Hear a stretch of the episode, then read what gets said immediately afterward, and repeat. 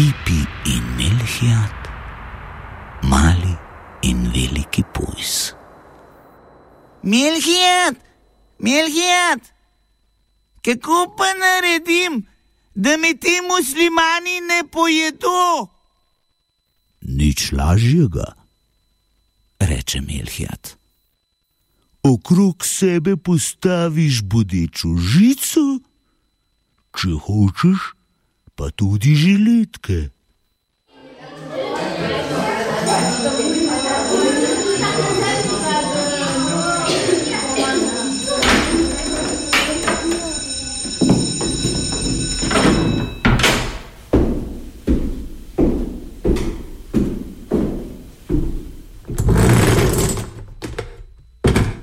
Z gostujočimi komentatorji in komentatorkami vsak ponedeljek sprevračamo katedro Radia Student. Premislimo izobraževanje pod katedrom.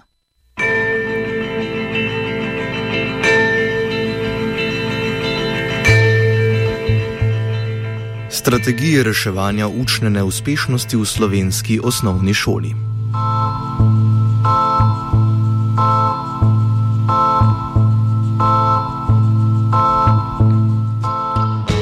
Šolsko kurikularno prenovo iz leta 1995 se je v slovensko osnovno šolo uneslo nekaj sprememb, ki naj bi med drugim pomagale pri odpravljanju učne neuspešnosti, disciplinskih težav in izboljšanju učne klime. Ena od novosti upeljanih leto kasneje je učna diferencijacija. To opredeljujemo kot organizacijski ukrep, pri katerem šola učence glede na učne in druge razlike usmerja v občasne ali stalne, homogene ali heterogene učne skupine z namenom, da, bi, da jim je znotraj posamezne, na vides poenotene skupine pouk bolje prilagojen.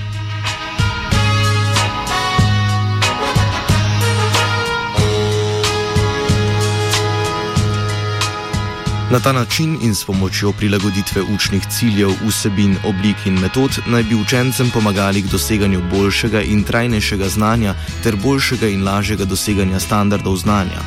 V našem šolskem prostoru je bila pri predmetih matematika, slovenščina in angliščina izvajana oblika zunanje diferencijacije, pri katerih so učence glede na učne sposobnosti in ocene iz prejšnjih šolskih let ali ocenjevalnih obdobij razdeli v tri skupine, znotraj katerih so otroci izenačeni po učnih dosežkih. Najobširnejšo raziskavo o posledicah upeljave diferencijacije je leta 2007 opravila Fanino Limal, ki je ugotavljala, da je učna diferencijacija koristna predvsem za majhno skupino učno najbolj zmogljivih učencev, ki so v bolj poenotenih skupinah ponekod najbolj napredovali vendar pa ostane nepravično obravnavana in še vedno bolj močno raznolika skupina povprečnih učencev, ki je običajno največja. Še bolj moteče pa je, da je diferencijacija, kot jo poznamo pri nas, najmanj koristna za učno manj sposobne učence, ki naj bi jim tak način dela po načrtih prinesel največ.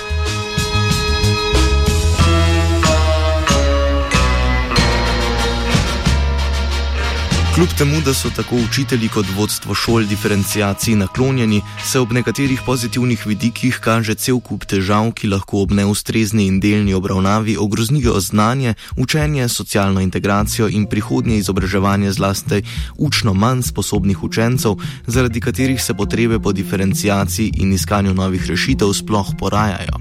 Čeprav so učenci razporejeni v skupine po sposobnostih, ki naj bi omogočale manj disciplinskih težav, boljše učne pogoje, se zdi, da se težave s predvidenimi ukrepi ne izboljšajo.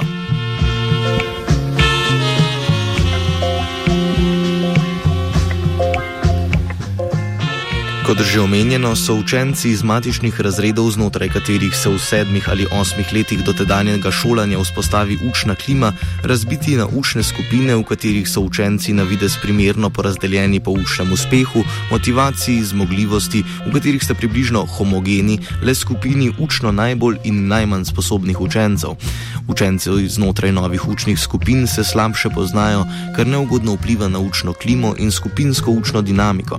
Vsaj sprva je oteženo sodelovanje, medsebojna pomoč, učenci postavljajo manj vprašanj in na nje manj pogosto od samostojno odgovarjajo. To drži zlasti za učence iz povprečne in učno manj zmogljive skupine. Prehajanje med skupinami je omogočeno, a ni poenoteno in se razlikuje od šole do šole.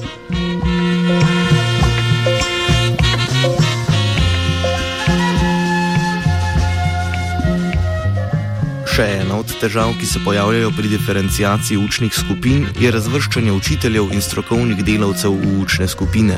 Skupinam učno zmogljivejših učencev, s katerimi je disciplinsko najmanj težav, so običajno dodeljeni zagreti učitelji, katerih delo in pobude močno pozitivno vplivajo na delo v skupini.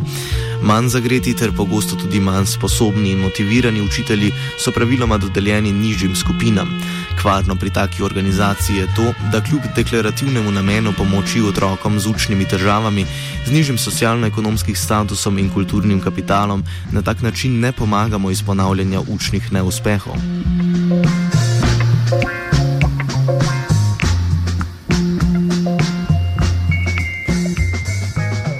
Če pristanemo na takšno šolsko delo, na delo v kvazi zanačenih skupinah, pri katerem ne ciljamo na izboljšanje učnih uspehov in ne spodbujamo k boljšemu znanju, potem prikrajšanim učencem ne pomagamo iz začaranega kroga učnih in drugih težav, ter si kot strokovnjaki mečemo pesek v oči.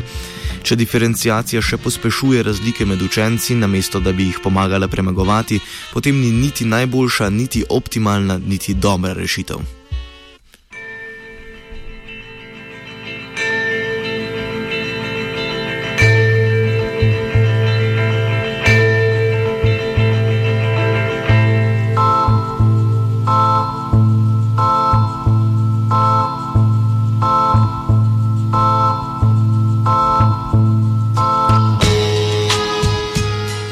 Diferencijacija je pregrob poseg v skupnost učencev, ki se je izoblikovala v skupnih letih šolanja. Marsikatere od učnih težav bi se lahko razrešile z drugačnimi načini učne pomoči in sodelovanja.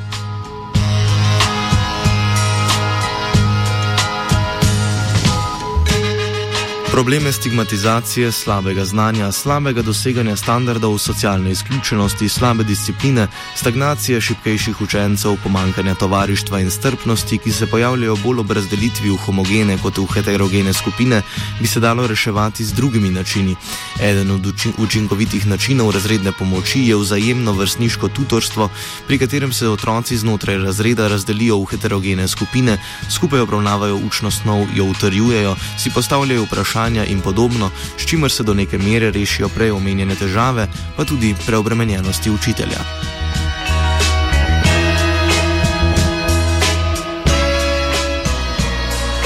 Komentar je pripravila Zala Gruden.